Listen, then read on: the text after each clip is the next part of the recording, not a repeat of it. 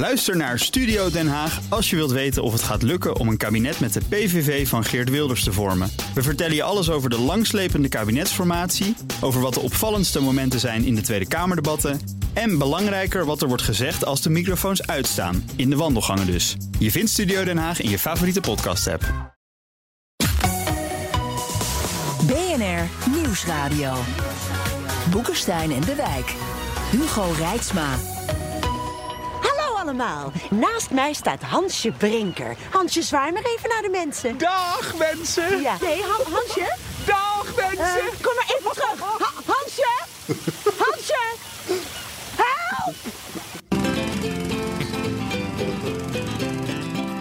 Met een klein stukje klokhuis heten wij u welkom bij Boekenstein en de Wijk. Een programma voor kinderen van 9 tot 12 jaar over de Derde Wereldoorlog. Met Arend-Jan Boekenstein en Rob de Wijk. De vinger is uit de coronadijk. We zijn hard op weg naar de koppositie in Europa en het aantal besmettingen. Waarom doet Nederland het zo slecht? We bespreken het met onze gast, Amerikaans historicus en Nederland-watcher James Kennedy. Welkom. Dankjewel. En Meneer Kennedy, premier Rutte bekende deze week in de Tweede Kamer dat hij te veel nadruk had gelegd op de eigen verantwoordelijkheid van mensen. Eerder eigenlijk het mantra van het Nederlandse coronabeleid met zijn intelligente lockdown en adviezen in plaats van de harde hand die in veel andere landen werd toegepast. Bent u het eens met eh, Rutte's zelfkritiek? Nou, het is, eh, het is natuurlijk een heel. Ja, dat denk ik wel. Uiteindelijk heeft hij dat ook gezien. Het is wel een hele eh, belangrijke mythe die Nederlanders over zichzelf hebben. Eh, dat ze dan eigenlijk inderdaad ehm, verantwoordelijkheid eh, uitstralen en eh, uitvoeren en alles dat ze doen. En dat ze dan eigenlijk niet iets van hogerhand nodig hebben om toch tot nuchtere eh, con- conclusies te komen over wat ze zouden moeten doen. Dat Maar je gaat zeggen dat dat een mythe is. Kop voelt zich Die aangesproken. nog gekker worden hoor. Ja, nou, ik- mythe. Nou, in de zin van eh, elke mythe heeft een eh, kern van waarheid. Eh, dus het is wel. Nou ja, ik bedoel, Nederlanders zijn vaak nemen verantwoordelijkheid voor zichzelf. Maar het is niet het hele verhaal. En het is ook niet iets dat niet ook correctie en corrigerend vermogen kan laten ontbreken. Dus ik vind in die zin dat ja, ik denk dat Nederlanders ook nodig hebben dat er iemand is die de knopen doorhakt. Dat is iets dat ik eh, heb eh, gemerkt in Nederland als geheel. Is dus dat Nederlanders zijn eh, best wel bereid om een eigen deel te doen. En als ze hun eigen zegje mogen doen, als het gaat over wat moet eh, gebeuren, dan doen ze dat. eh, dan zeggen ze hun eigen zegje. En dan verwachten ze wel van hogerhand eh, dat een beslissing wordt genomen. Dat is wel iets dat wel bij Nederland eh, hoort. Dus het alleen overlaten aan eh, je eigen verantwoordelijkheidsbesef. Dat lijkt mij ook alleen maar minstens eh, alleen maar de helft van het verhaal over wat Nederlanders. eh, Ja, wat is de andere helft dan? ja, de andere is, is dat ze dan ook wel toch eh, heel graag structuur en richtlijnen willen hebben. Maar daar zijn we toch niet van, van de, de structuur en de richtlijnen. Ik denk uiteindelijk wel. Ja, dat denk ik ook, maar dan moet je het dus van tevoren wel hebben voorbereid. Ja. En een van de grote problemen volgens mij wat er nu aan de hand is, is dat eh, je eigenlijk weer met dat gepolder en dat gecoördineren en al die bestuurlijke principes kom je niet ver in zo'n crisis. Eh, dan zul je veel, veel meer dirigistisch moeten eh, optreden. Nou, ik heb het hier wel vaker gezegd en het zal nu ook wel weer gebeuren. Als ik dat zeg, dan krijg je hele Twitter-ladingen over je. Een van die man die wil er een dictatuur van maken. En dat is natuurlijk gewoon niet zo. Dat zijn de fundamentele principes gewoon van crisisbeheersing. En dat accepteren we niet. Dus die structuren die zijn er ook gewoon niet. De structuren eh, zijn er, eh, nou, of je kan zeggen van de structuren zijn er niet, omdat de traditionele vormen van overleg eigenlijk Ja. niet meer zijn. Eh, dus het is wel, Nederland, ja, je kan zeggen van, laten we even de Republiek noemen, nemen van de 17e eeuw. Eh, het was niet eh, zozeer dat Nederland aan, eh, aan daadkracht ontbrak in die tijd. Het was wel veel polderen. Maar als je dacht van, nou, nou is wel echt een wezenlijke opdracht die we moeten uitvoeren. Het is wel eh, nu wel acteren of we gaan ten onder. Nou, dan merk je ook wel dat er, dat er ook best wel bereidwilligheid was om gezamenlijk tot goede besluiten Ja, te ik komen. begrijp wat je bedoelt. Kijk, wat ik met die structuren bedoel, zijn ook letterlijk structuren. Hè? Als je een crisis wil beheersen, dan moet je dirigistisch optreden. En dat betekent dat je daar dus ook een apparaat voor moet hebben. Dat hebben we gewoon niet meer. Dat is jaren geleden is dat gewoon afgeschaft. Uh, want toen dachten we, nou dat uh, gaat allemaal wat door de, naar de veiligheidsregio's, naar de gemeentes. Die doen dat allemaal wel. En de sturende rol van de Rijksoverheid is bewust, zeer bewust weggeschoven in de veronderstelling dat er nooit een landelijke crisis zou kunnen gebeuren. Ik heb dat altijd zeer laakbaar gevonden. Uh, er is uh, toen ook besloten om gewoon niet meer een soort operationele unit te hebben waarmee je gewoon echt kunt, kunt sturen. Ja. Gewoon echt kunt bev met bevelen bij wijze van spreken kunt zeggen van ziekenwagens of patiënten gaan van, van A naar B. Dat, dat hebben we gewoon niet meer. Dat is allemaal afgeschaft. En dat werd ook versterkt nog, omdat Den Haag natuurlijk ook wel goed uitkwam om politieke redenen om, en om dat, gewoon de verantwoordelijkheden elders te leggen. En de situatie die groeit is dat de burgemeesters en ook daarna gingen een beetje naar elkaar zitten kijken een aantal weken. Hè? Ja. En dat is een heel mooi voorbeeld van jouw stelling dat dat natuurlijk niet kan. De, de Fransen hebben hier natuurlijk een groot voordeel. Waarbij ik overigens wel wil opmerken dat de Fransen met hun centralisatie ook nu grote problemen hebben. Er is één land dat er echt ongelooflijk uitspringt. Hè? In het begin was het vreselijk, maar nu is het China. Ja. Ik denk dat China hier heel sterk uit de strijd nou ja, daar wordt nu al. De, ik heb berekening gezien, maar dat heeft weinig met Nederland te maken. Dat, uh, dat Amerika die gaat erop achteruit. Maar China gaat er 10% in de economie op vooruit ten opzichte van ja. uh, Amerika. Nou, dat gaat een enorme machtsverschuiving uh, teweeg brengen. Absoluut. En maar, maar om terug te komen naar Nederland. Ja, daar heb je zo'n structuur waar je gewoon dat dirigistisch kunt opleggen. Maar ja, dat is natuurlijk toch eigenlijk iets wat wij gewoon niet willen in dit deel van, uh, van de wereld. Of denk je van wel? Of wat is hier nou aan de hand? Waarom hebben we dat allemaal overboord? overboord en misschien dat de, de Nederlandse overheid ook gelooft in die mythe van de verantwoordelijke burger. En daarom denkt het komt wel goed. Ja, maar wat is dan die burger? Ja, wat is dan die burger? Nou ja, de, de overheid heeft uh, in de laatste 40 jaar grote nadruk geplaatst op de eigen verantwoordelijkheid van de burger. Er is natuurlijk wel in de eerste delen van de naoorlogse periode ging het vooral over wat kunnen wij als overheid uh, doen uh, voor de burger. Maar toen dat financieel niet meer ging, hè, ten tijde van, van acht, zeg maar. Uh, dan zijn ze overgeschakeld van naar eigen verantwoordelijkheid voor de burger. En dat is wel de boodschap die is geweest. De decentralisering, mm. die jij noemt dan uh, ook, uh, is daar ook onderdeel van. Hè? We laten iedereen het wel zelf oplossen. Uh, dus dat is wel wat uh, de boodschap uh, is. Dat is ook wel lekker makkelijk hoor. En je gooit er namelijk gewoon over de schutting je van een ander. Je gooit het dus. Je zegt, het is jouw verantwoordelijkheid. Dat is ook wel tegen de, de burgerij zeggen, is jouw verantwoordelijk. Dat is ook een vorm van gemakzucht. En het kan ook wel veel goedkoper uitpakken als je zegt van... Zo ja, als er niks gebeurt op landelijk niveau, dan kan dat. Ja. Maar kan die burger dat wel aan? Nou, ik denk dat uh, ik denk dat hij wel ernstige vraagtekens bij kan zetten om de burger. Uh, Als je hier op straat kijkt, dan kan je daar vraagtekens bij stellen. Dat zeg eens. Ja. Nou, de mensen die in, in groepen overal uh, zonder mondkapjes in Ah, overal die- allerlei ja. ruimtes. Ja. ja, maar dat is Feesten dan, in de kroeg. Ja, Ja. ja. Maar dat is iets dat ik ook wel zelf eh, altijd mij heb afgevraagd. Dat vond ik bij de eerste ronde toen, eh, bij de eerste golf, toen Nederlanders het wel een stuk beter deden met het opvolgen van instructies. Maar eh, het leek, Nederlanders leken in alles zo onverstoorbaar eh, te zijn. dat ze het dan eigenlijk voortreffelijk deed en eh, ze zouden het allemaal rustig kunnen doen. Ja. Maakte eigenlijk verder, ze hoefden nergens bekommerd over te worden. Gewoon, gewoon doen en dan zou het wel ehm, eh, vanzelf goed gaan. Dus er is wel een bepaalde soort nonchalance of, eh, of argeloosheid... eh, die ik dan ook wel niet helemaal kan eh, verklaren. Er Die ik in mijn eigen land Ja. niet terugvind. Zelfs daar niet. Er was een BBC-journaliste die liep dus rondom het parlement en na het debat. En die zag dus, je weet het, na- bij het parlement met al die cafés was het één grote toestand. Het was echt één grote toestand. Eh, en, die, en die maakte er foto's van. Ja. het, het is toch gewoon niet te geloven. Ja. En dat is inderdaad, dat lijkt iets heel Hollands te zijn. Hè? Maar- Spanjaarden zijn heel erg gedisciplineerd. Italianen ook. Ja, maar je wil ook wel gedisciplineerd zijn in Spanje. Ja. Net zoals, ik bedoel, eh, ik, ik heb de hele tijd eh, tijdens de eerste uitbraak in Frankrijk gezeten. Zoals we allemaal weten inmiddels. Ja. Omdat ik van daaruit ons onvoorpezen programma kon doen. Dat was geen feestje, hè? Maar dat was geen toen feestje. van je. Nee. Nee, dat was geen feestje. Je kon zonder briefje ook niet je huis uit. Nee, dat was gewoon, eh, ik noemde dat een politiestaat en dat was het ook. Dat was het ook. En je keek gewoon als je het dorp inreed of toevallig je een blauwe auto zag van de politie. En als je die eh, zag, dan eh, maakt hij eventjes een, een ommetje. om niet in eh, contact te komen met die politie. Ik kwam daar nog wat cijfers over trouwens. Dat in, in Ja? België zijn tot en met mei geloof ik 27.000 coronaboetes uitgedeeld. In Frankrijk 915.000. In Nederland 8800.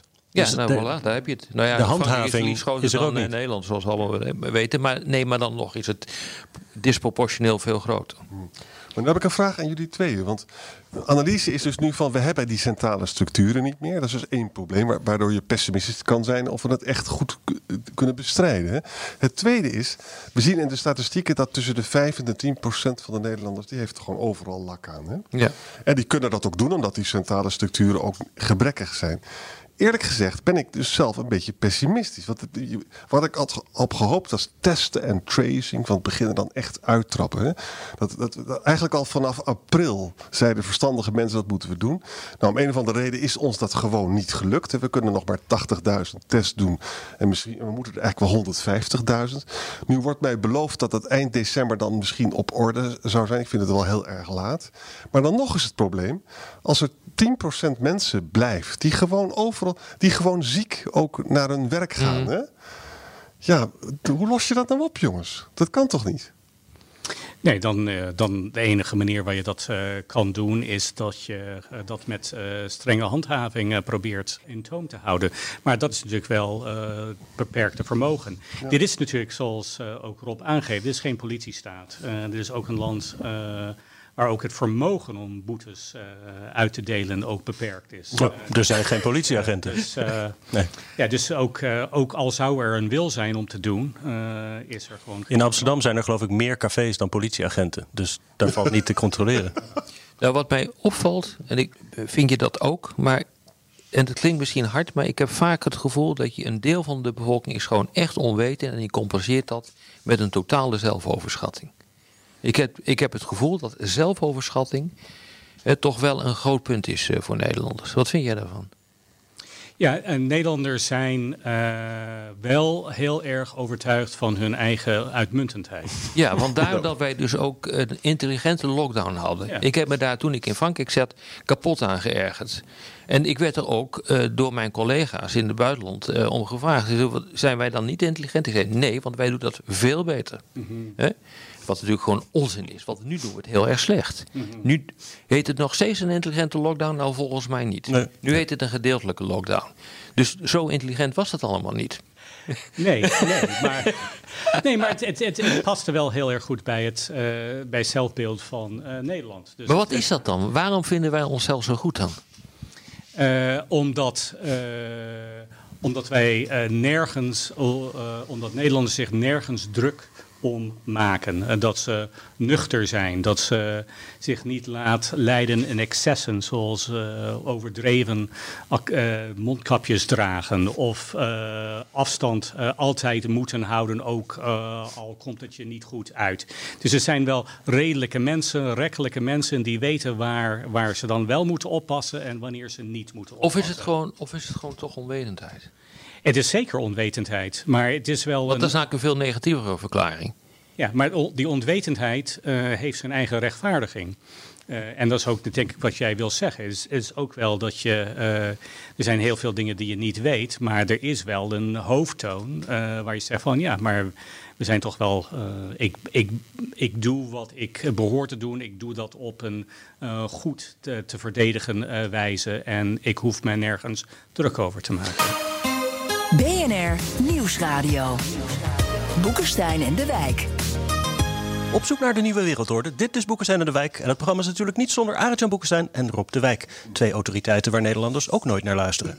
Mijn naam is Hugo Reitsma en onze gast is James Kennedy, historicus en decaan aan de University College Utrecht.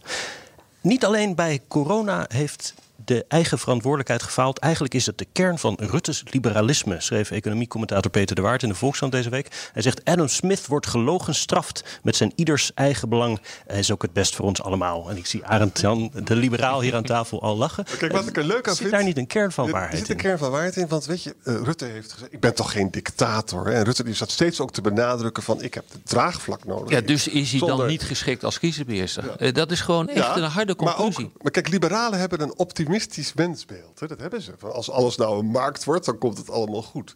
Helaas klopt dat natuurlijk niet. En met antwoord, een optimistisch mensbeeld is niet zo handig om een pandemie te bestrijden. Want bij een pandemie bestrijden moet je bedenken, er zijn een aantal hele nare mensen in de samenleving die niet luisteren. En die zullen we dus met harde hand moeten begeleiden. Hè? Nou, we hadden het net over die zelfoverschatting. Hè? Maar volgens mij kun je die dus ook. Uh, soms grenst dat echt aan de hoogmoed. Dat, dat zag je ook in aanloop naar die EU-top. Ik denk dat het toch verstandig is om het even over te hebben. Hè? Waar Wopke Hoekstra, die begon Italië de les te lezen. Ja. Uh, en eigenlijk klonk erin door, en dat deed Rutte later ook, van jongens, jullie hebben alweer je zaken niet op orde. Ja. Eh, ik bedoel, jullie zijn een stel prutsers, je kunt je begroting niet uh, onder controle krijgen. En nu krijg, heb je dit weer. Ja. En terwijl Duitsland om was? Ja. Dat, wist, dat wist Rutte niet En vervolgens hebben wij een intelligente lockdown uh, af, afgesproken.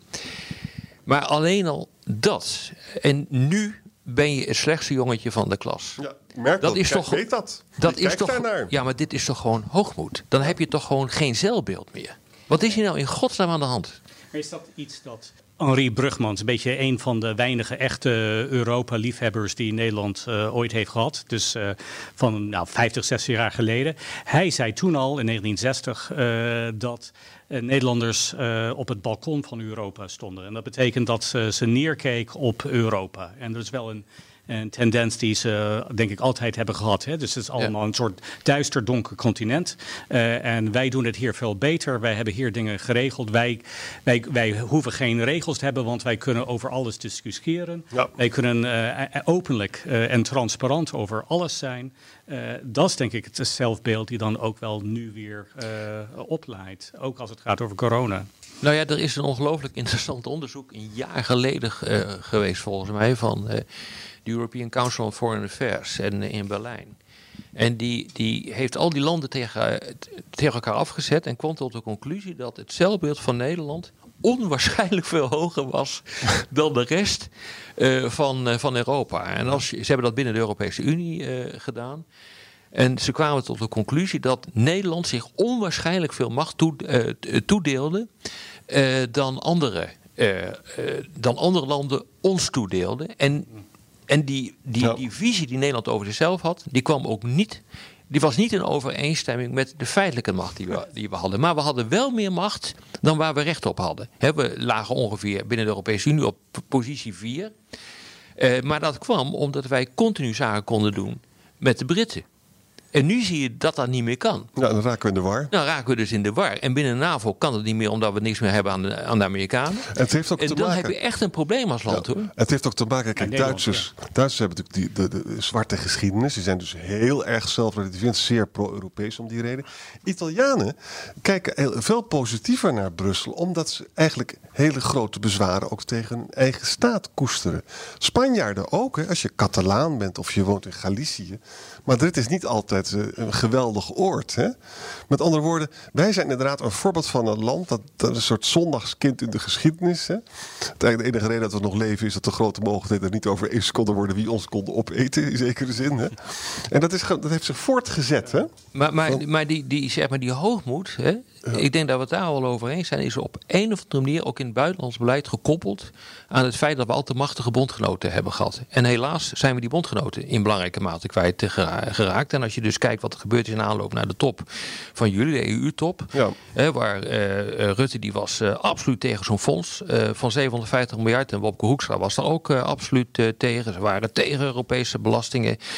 nou, ze waren eigenlijk tegen alles. Ook tegen um, gratis geld voor voor landen als Italië, want ze moesten eerst hervormen. Dat hebben ze eigenlijk allemaal verloren.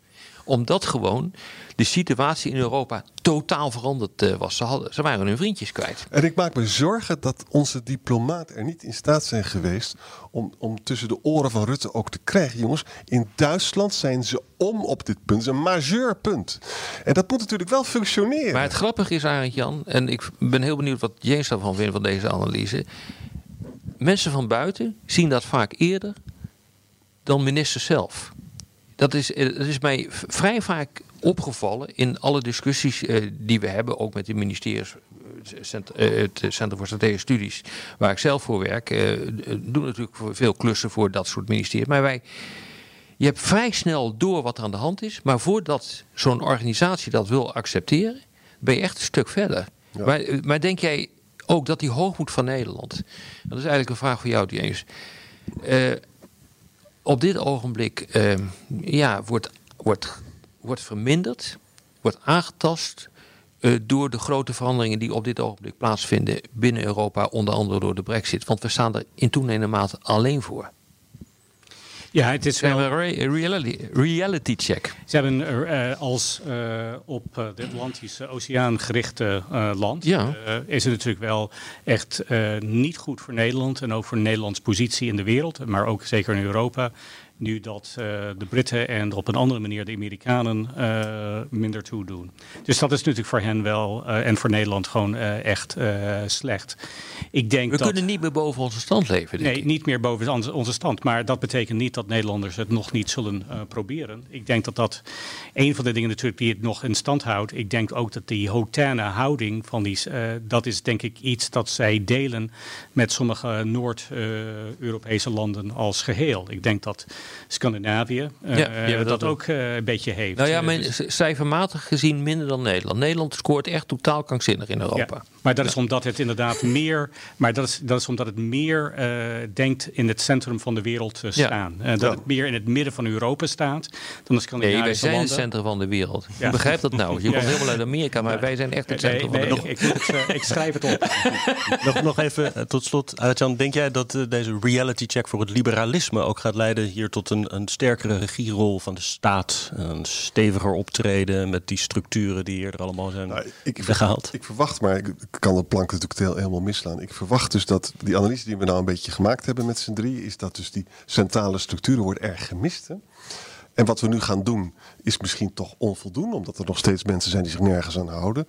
En dat leidt dan tot een crisis in december, januari. En dat zou dan de aanleiding kunnen zijn om het nog meer te verscherpen. Dus het gaat dan via de weg van het eerst erger worden.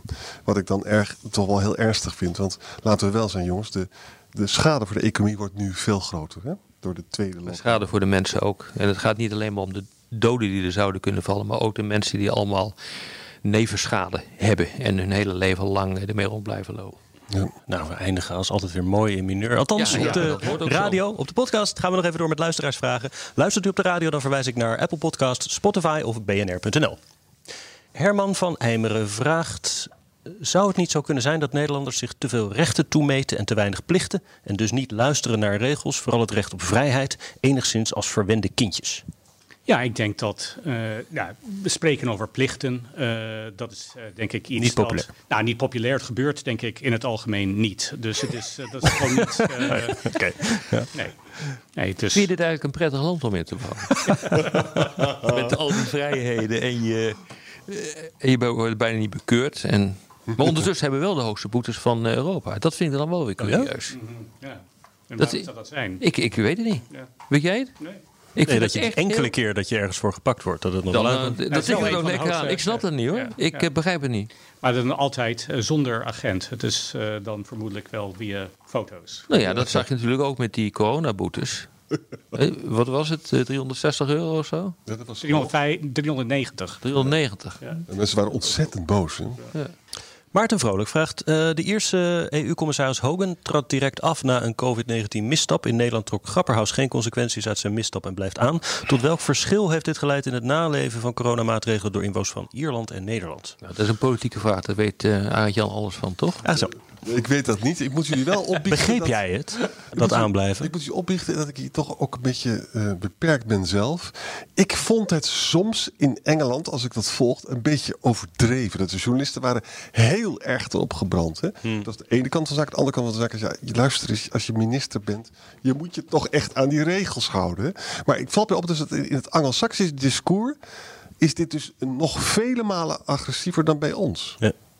En dat komt weer door die Nederlandse mentaliteit, dat wat, dat, dat, wat zachte Maar het heeft de geloofwaardigheid geen goed gedaan, dat kunnen Zeker. we vaststellen. Ja, voor Grapper. Maar ik vind het voor Grapperhaus overigens ook heel akelig zelf. Ik bedoel, hij was er helemaal niet van plan om dit. Het is volkomen uit de hand gelopen. Tja.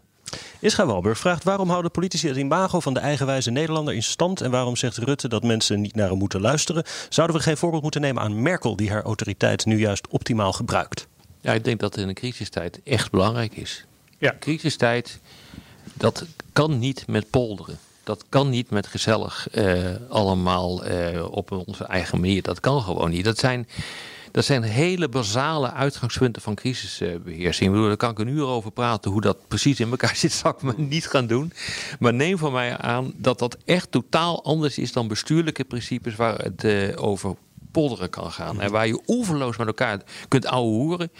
Uh, om het eens een keer ergens over eens zijn, dan neem je een besluit. En dat mag dan nog wel een uur duren, dat maakt allemaal niet uit. Maar crisisbeheersing, daar gaat het om mensenlevens, daar gaat het om het neerslaan van een virus. Dan moet je heel snel kunnen reageren. En dat betekent helaas dat je vrij dirigistisch moet zijn. Ja, het is niet anders. En wat ik in Duitsland ook heel mooi vind, is dat ze hebben dus voldoende test en tracing in thuis. Dat is goed geregeld. Ze barsten van de IC-bedden. Weet je trouwens waarom ze dat hebben? Je hebt natuurlijk euthanasie, dat mag, allemaal, dat mag niet in, in, in, mag Duitsland. Niet in Duitsland. Nee. Dus ze hebben ontzettend veel IC-bedden. Ze hebben hun zaakjes heel goed voor elkaar. En ze hebben een bevolking die dus die gehoorzaamt. Hè? Ja. wel wat het, ja, dat, dat is inderdaad het, het, geval. Maar misschien is ook wel het verschil tussen... Is het gewoon niet zo dat uh, Mark uh, Rutte gewoon het niet aandurft? Hè? Want uh, stel je voor dat ze dan wel dirigistisch gaan optreden. Of dat proberen. Dan ben je verantwoordelijk. Nou, dan ben je verantwoordelijk. En dan kan het ook misgaan. En mensen kunnen dan misschien je niet gehoorzamen. En dus, dus ik denk dat het idee van dat je eigenlijk... je laat de Nederlander in zijn waarde en zijn eigen verantwoordelijkheid... is natuurlijk ook om je eigen de risico's uh, vanzelf, uh, als het ware, uh, te ja, vallen maar wegneemt. Ik, maar, maar ik ken heel erg veel bestuurders in dit land. En dit zit ook diep in het DNA. Uh, in Nederland om niet dirigistisch te zijn, Ja. maar om wel te polderen. Ja. Uh, dat valt me iedere keer weer op, want ik heb deze discussie met heel veel uh, mensen Gedoogbeleid. en die komen iedere keer terug op, ja, maar het is een democratisch. Ja, dat klopt. maar nee, nou ja, nogmaals, het zit diep in het DNA en men heeft een totaal weerzin tegen dirigistisch op. Ja, absoluut. Daar ben, ik, ben ik, daar ben ik helemaal met jou eens. En dat heeft wel deels te maken dat je, maar ik denk met name sinds de jaren zestig, maar ook daarvoor, is het dat als je dat doet dan, uh, nou ja, dan ben je bevreesd om uh, Ja. opstand. Ja. Uh, en dat je dat ook wel niet voor de kiezer wil krijgen. Dus deels van dat geloven in de eigen verantwoordelijkheid is dus gewoon van ja, dat is de enige troef die Ja. je dan denkt te hebben. Jan Pauwhof uh, zegt. Ik vind de cijfers echt om je rot voor te schamen. RIVM en kabinet valt het een en ander te verwijten. Maar het liberalisme en individualisme hebben mijns inziens ook geen goede beurt gemaakt. Merken jullie in de publieke opinie al een politieke of sociale verschuiving? Of is dit alleen bij mij? Nou, polariseert. Ik denk dat het allergrootste deel van Nederland uh, vindt dit oké. En dat zie je ook. Uh, bijna, de meeste mensen houden zich ervan daaraan. Maar tegelijkertijd weet je ook, en dat is ook vrij standaard in dit soort situaties, dat een deel van de bevolking er niks van moet hebben en in opstand komt. En je ziet nu een hele discussie ontstaan over de opkomst van extreem rechts.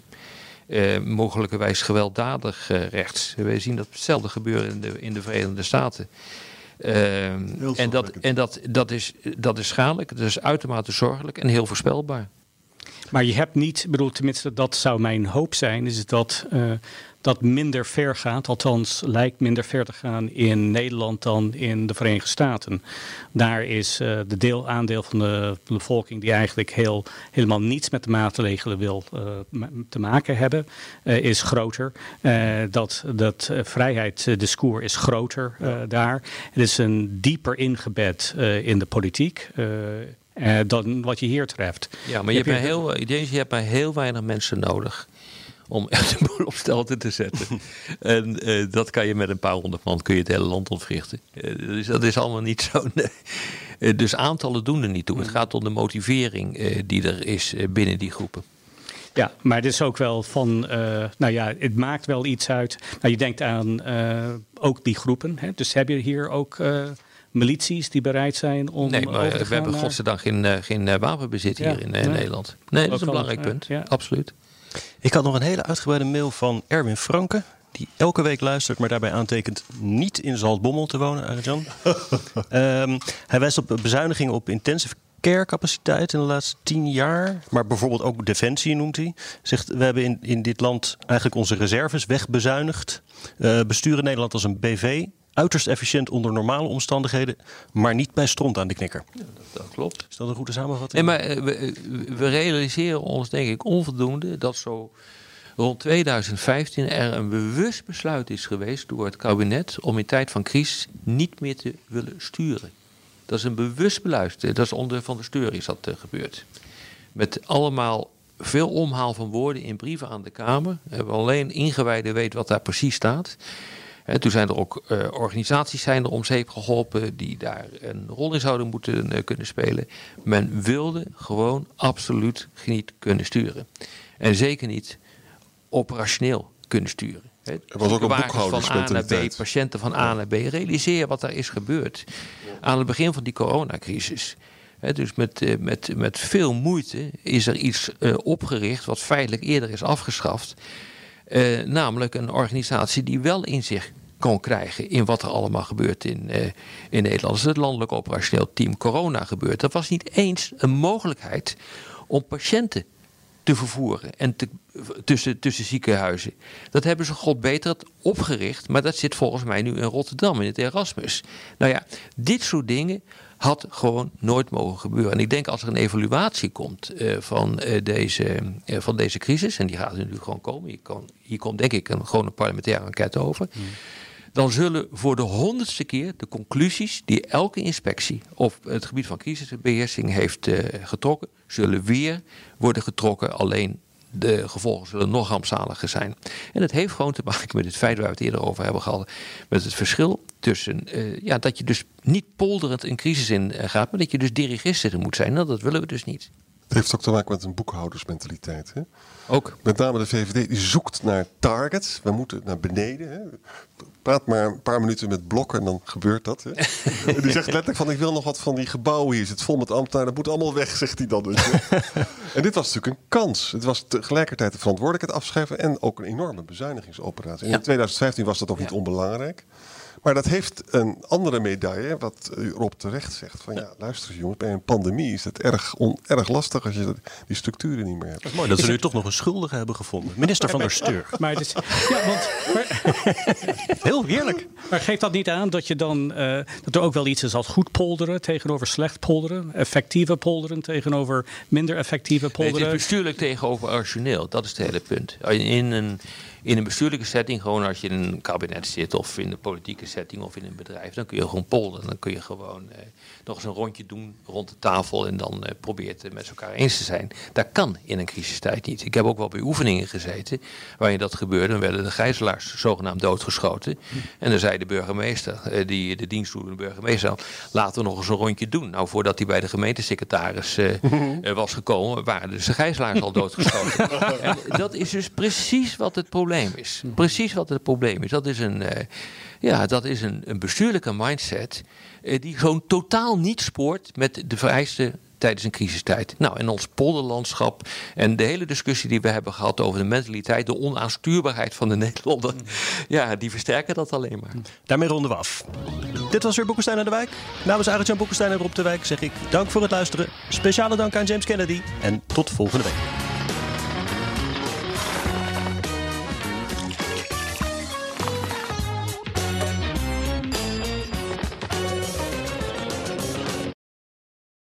Ook Thomas van Zeil vind je in de BNR-app. Je kunt live naar mij luisteren in Zaken doen. De BNR-app met breaking news, het laatste zakelijke nieuws... en je vindt er alle BNR-podcasts, bijvoorbeeld Het Nieuwe Geld. Download nu de gratis BNR-app en blijf scherp.